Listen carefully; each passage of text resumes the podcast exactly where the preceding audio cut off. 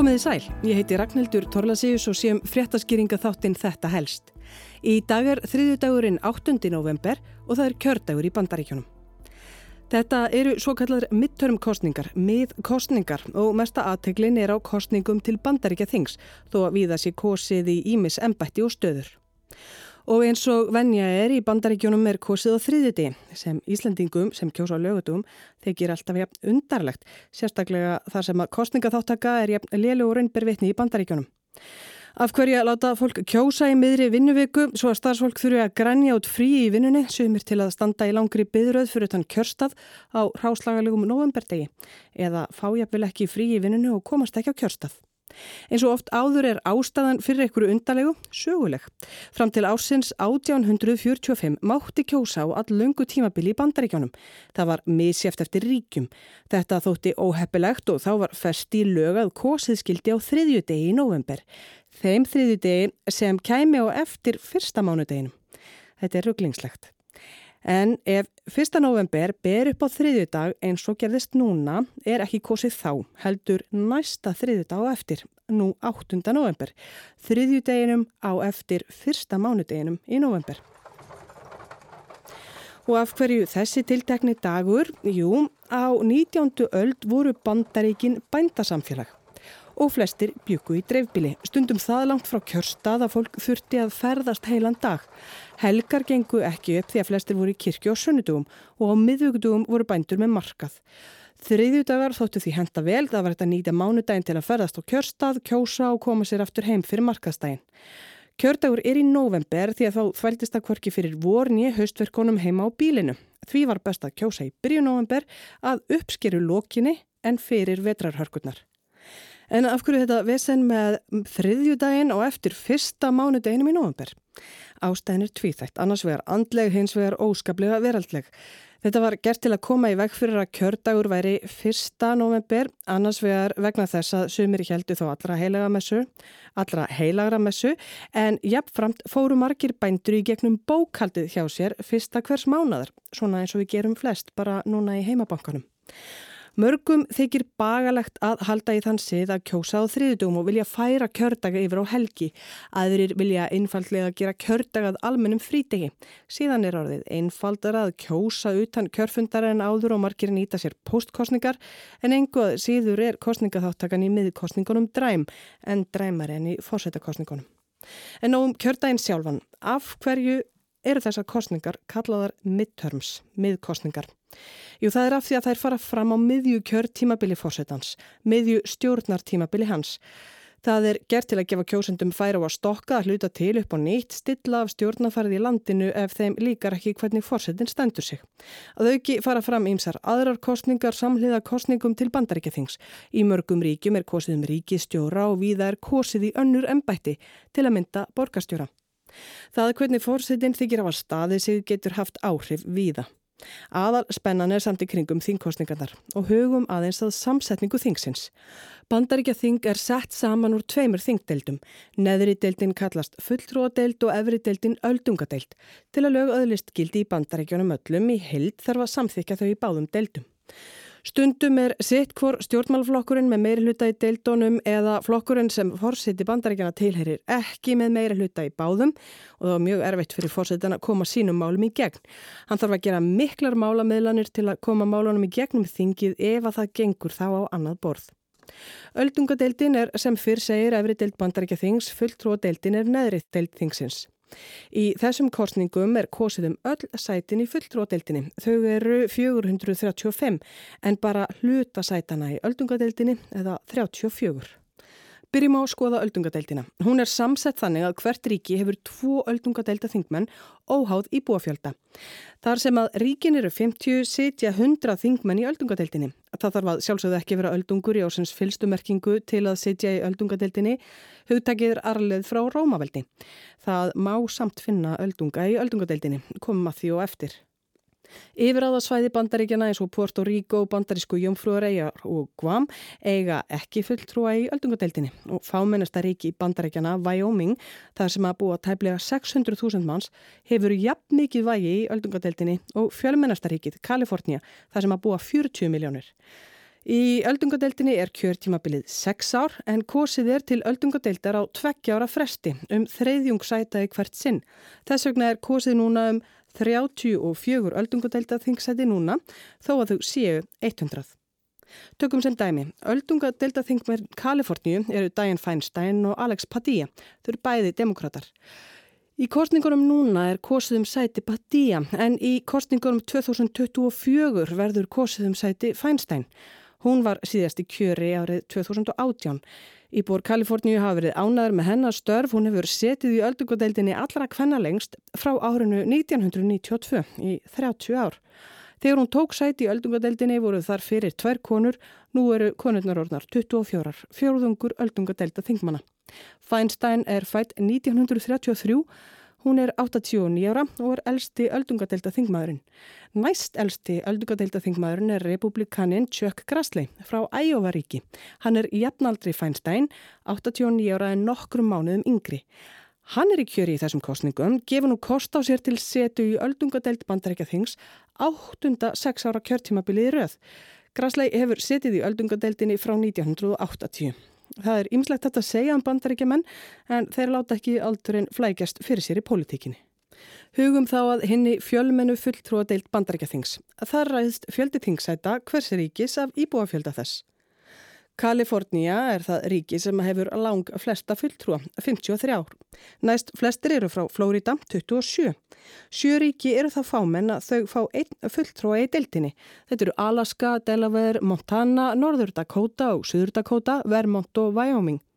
Sem stendur hafa demokrater undirtökin í fulltrúadeildinni. Demokratin Nancy Pelosi er forseti fulltrúadeildarinnar. Hún er einn fulltrúa Kaliforníu. Hún er 82 ára og er í frambóði.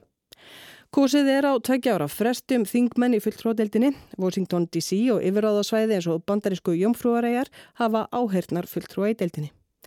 Í öldungadeildinni hafa demokrater líka meiri hluta. Reyndar er sætaskipanin 50 sæti fyrir demokrata á móti 50 sætum republikana en varafórseti bandaríkjana er jafnan fórseti öldungadeildarinnar og það er demokratin Kamala Harris. Atkvæði hennar getur því ráðið úslitum þegar til kastana kemur en aðeins í tilteknum málum. Bandaríska stjórnkerfið er ólíkt því sem við þekkjum og það er kannski best að ráðfæra sig við sérfræðing nánar um kerfið og við hverju er að búast.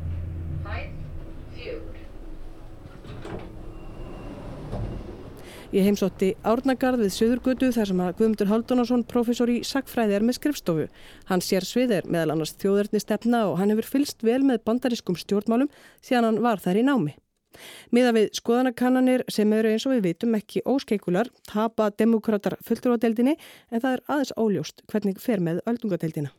Bandarska kerfið hefur byggst alltaf á því þetta eru kerfi málamilana. Það sem að menn í sikurum flokknum vegna þess að þú þart alltaf að, að komast að málamilnum um eiginlega allt þá hérna hafa, hafa stjórnmannur byggð á því að, að flokkar hafa getað unni saman, einhverjir hópar inn á flokkana ná saman sem er einhvers nálat miðjunni vegna þess að, að þú kemur einhver í gegn og það, það er þessi skrýtna regla í bandaríkanum að í öldungadeildinni er ekki nóg að vera með meir hlut eftir næstum málum, þú verður að vera með 60 uh, þingmenn til þess að geta uh, komið málum í gegn. Þetta er mjög flókið kerfi að því að ja, flestu því sem hann kemur nálat fjárasmálum þá dugir hafa 50 og síðan varafostinn hann uh, kemur inn sem, sem 51. þingmaðurinn. Einni skipan dómara, þá er það nóg að vera með 51 en í flestu öðru að þá þarf þetta að vera með 60 þingmenn til dæmis ef að, ef að koma í gegn einhverju frummarfi um, eh, um þungunarof þá þarftu að hafa 60 þingmenn. Þannig að það verður aldrei hægt að koma já, það verður mjög seint að hægt að koma í gegn einhverju frumvarfi sem að, sem að snýra því. Þannig að þessi tími er að mörguleiti liðin, það er orðið sérstaklega fulltróðeldinni, þar er sem er svo sem einfaldu meirhutu dugir en þar er eru allir gallhardir og bara kjósa við sínum flokki. Þetta er aðeins flokknara í öldungadeildinni, það eru þar þingmenn sérstaklega með republikana sem hafa svona í málunum þar sem að republikana svona hafa hægðað sér svona eins og Abba-kettingin með þessi satt að það farið svo langt út, út á, á hægrikantin að, að, hérna, að þá eru þar þingmenn sem að kjósa með e, demokrautum. En ef þetta verður þannig að, að þingið er í sjálfu sér ansnúið sérstaklega fulltróðeldin ef hún er ansnúin bætin, það verður meilhutir republikana, þá fer ekkert mál þar í gegn sem að hérna bætin uh, stiður, ekkert svona sem er eitthvað umdelt, það eru svo alls konar mál sem er sérstaklega umdelt. Eh, það verður líka þannig að bætan samþykir og ekkert sem að þingi samþykir, hann beitir einnúvaldi og, og það er ekki þá nógu margir, eh, það er mjög ólíklegt að republikana fái það marga þingmenn að þeir geti samþykt lög sem að gegn, eh, gegn hérna neitunar ákvæði fórsetans. Svo getur ímislega gerst þess að til dæmis döðning fyrir Úkræn. Nú er, nú er hann til dæmis í, í voða að því að ímsi republikanar hafa verið svona láta þá skoður í ljós að, að þeir séu ekkit sérstaklega tilbúinir að senda endalus vopn til Ukrænu og þar getur til dæmis, það getur verið eitt mál sem við sæum strax e einhver áhrif af þessum. Það gerist þá þannig að þá verður allt þarna bara í hjárnum og svo eh, þá í næstu kostningum að þá snýst þetta við. Það hefur, það hefur sem sagt eh, ekki gerst síðan 1932 að hérna flokkur nýkjörinsforsetta tap ekki fylgi í, í sínum fyrstu Eh, mið eh, kjördamis eh, mid, midterm election sem eru þá kostningarnar að tveimur árum eftir að fórstakostningar og það er meira að segja ennþá verra núna heldur nú oft fyrir bætin að nú er efnarsástandið þykir ekki gott að það, hvað, hvað bensínlítinn kostar hefur ansið mikið að segja með það með hvernig með kjósa, ég vil þó að fórstunum ekkert með það að gera hvað bensínlítinn kostar og þá, þá sann sem aður byggnar það á fórstunum ef að olíu verður hátt. Og það er alveg ljóst að verðbólgan er, er mikil í bandaríkjunum og það kemur til með að byggna demokrátum og það bætist við það, svona þetta, þessa svona tilneying að fórsetin tapar e, þingmönnum í kostningunum næst á eftir hann í kjörin. Eh, Trump eh, skítapaði í, í fulltróðdeldinni, hann tapaði ekki en vann þingmenn í aldungadeldinni en það hafði meira með það að gera að það, hvað, hvaða þingmenn með, var verið að kjósa heldur en, en hérna, það hann hefði fengið svona mikið fylgi en í fulltróðdeldinni þar skítapaðan. Ég tók við því viðtal árið 2017, það verið fimm árum síðan þegar Donald Trump var nýtekinn við Já, svona, þú veldir því þá upp hvort að það væri hægt að halda bandarækjunum saman lengi en hvernig blasir þetta við núna? Já, sjálfsvegar hefur lítið breyst nema hvað þetta er svona, þetta er að kristallast á aldrei annan hátt. Þegar, þegar ég talaði um 2017 þá sá ég þetta meira fyrir mig svona, svona, svona landfræðilegt. Eh, en þetta er orðið hluta til orðið líka núna orðið svona stjætta kynþáttamunur eh, þannig að þetta er líka innan fylgjana sko sem er þessi þannig að landsbyggðar atkvæðin eru orðin algjörlega republikana e, á meðan að borginnar eru, eru demokrata og síðan mentað fólk kýst demokrata og mentað fólk kýst e, republikana þannig að er orðið frekar orðið menningarmunur heldur en, heldur en margt annað eru afstæðan til atriða eins og, eins og trúar, stöðu trúarinnar í samfélaginu eh, til eh, afstöðu til kynþátt hugmyndarinnar um, um hvort til dæmis eh, bandrækjumenn afriskum uppuruna, hvort þeir séu hát jáðarsettir í samfélaginu. Það eru hugmyndir um þungunarróf, um það sem á ennsku er kallað vók, allt sem að snýra því að, að svona já, me too og, og kynsegin og öllu þessu E, það eru þessi hlutir svona einhvern veginn sem að, sem að hafa orðið alveg gríðalega áhrif á það hvernig menn kjósa. Miklu frekar heldur en efnahægur eða, eða hefnaðsleg staða og þess vegna er sem sagt mentunarstig og búsetta hefur mikið að segja.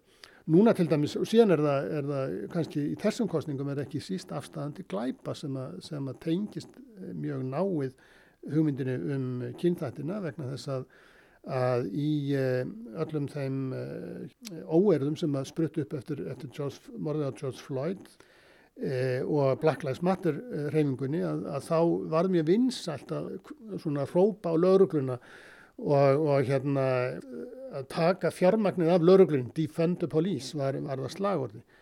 Glæpum hefur hins vegar farið eh, fjölgandi í bandaríkjónum og þetta hafa republikana nýtt sér mjög, mjög mikið og, og demokrater eru svona dálítið klemmu þannig því að um leið og þeir hafa að segja, sem er alveg rétt að þeir hafa aldrei meint með þessu, þeir ætla að hætta fjármannu laurugluna, heldur vilja fyrir að breyta áherslum í því hvernig lauruglun er ekki, þá er það er svona svolítið flókið að, að lýsa því en um leið eiga þetta líka mjög erft með að segja já við ættum sko að styrkja laurugluna að því þá eiga þeirra hættu að, að veikja svona ákvæðina andúð hjá þeirra tryggasta eh, kjósnahópi sem eru öðru bandargemenn af afriskum uppruna og sérstaklega konur meðal þeirra. Þannig að, að, að þetta er, er mjög mikið svona barátumál hjá republikunum og, og það má segja að þessu svona þrýr hópar sem þetta höfða til, svona fyrsta lagi inn í borgunum, það sem að glæbinir eru mestir, í útkverðunum þar sem menn hafa óttast að glæbirnir hérna fara, fara út í útkverfin og síðan í sveitunum þar sem eru mjög lítið um glæbum þess að ja, þetta sannar fyrir þeim hversu, hvers konar eh, staðir þessar borgir eru. Þetta séu algjörur vítispittir þannig að, að þetta hefur greinlega gengið nokkuð vel. Gerur ráð fyrir að það verði áfram svona mikil tókstreita í bandarísku samfélagi Já, þetta er eitthvað sem eru, þetta eru línu sem við sjáum um, um allan, allan vestrana heim og Putin til dæmis spilar á þetta núna alveg hérna, meðvitað að, á þessa línu sem að liggja, sem eru menningarlegar frekar heldur en svona reynt eh, pólitískar út frá efnaðslegum hagsmunum. Eh, að republikanflokkun er að breytast núna í verkamannarflokk eh, sem er mjög sérkjulegt að hann hefur svona eitt af hans stærstu bardumálum er að lækka skatta á auðmenn og, og sem á einhvern veginn að, að, að hafa, hafa góð áhrif fyrir, fyrir verkafólk en sem hefur sínt sig að ennum kannski ekki alveg raunin. Eh, þannig að þessi málefni þau, þau hafa eiginlega hert afstöðumann og þannig að flokkarnir, sem ég segja, flokkarnir segja breytast eiginlega trúarhópa úr því að vera svona að pólitísk flokkar. Þannig að það eru mjög erfitt fyrir fólk ekki bara, þau skipta ekki um flokk heldur þau kjósa flokki hver sem er í frambóði og það er til dæmis komið í ljós núna að það er í frambóði fyrir öflíkana allmargi þingmenn sem að, sem að hérna, eru ekki bengt mjög fram, frambarilegir en, en samt sem áður verða virðast þeir vera kostnum en vegna sem enn kjósa sinn þingmann sem, hver, hver sem er í frambóði. Þannig að þetta er svona vera hert línunar. Ég veit ekki sko, eh, þetta getur þróast, getur bara þróast í tvær, tvær áttir, tvær gagstæðar áttir. Annars vegar það að þetta rýður líðræðina fullu að því að þú getur ekki rétt í líðræðiskerfi ef, ef allt er fast í lás og slá og, og ekkert gerist og með endanum verða ekki samsett fjárlög í bandringum til dæmis og ríki verður gjaldróta, ég menna það, það stemt að því hvað eftir annað en, en því hefur verið, verið hérna, afstýrt á síðu stundu. Þannig að þetta kerfi getur ekki gengið til lengdar eða þá að menn einfallega sjá að sér og sjá að þetta, að þetta gengur ekki til lengdar en það er ekki sem benn til þess að þetta gerist.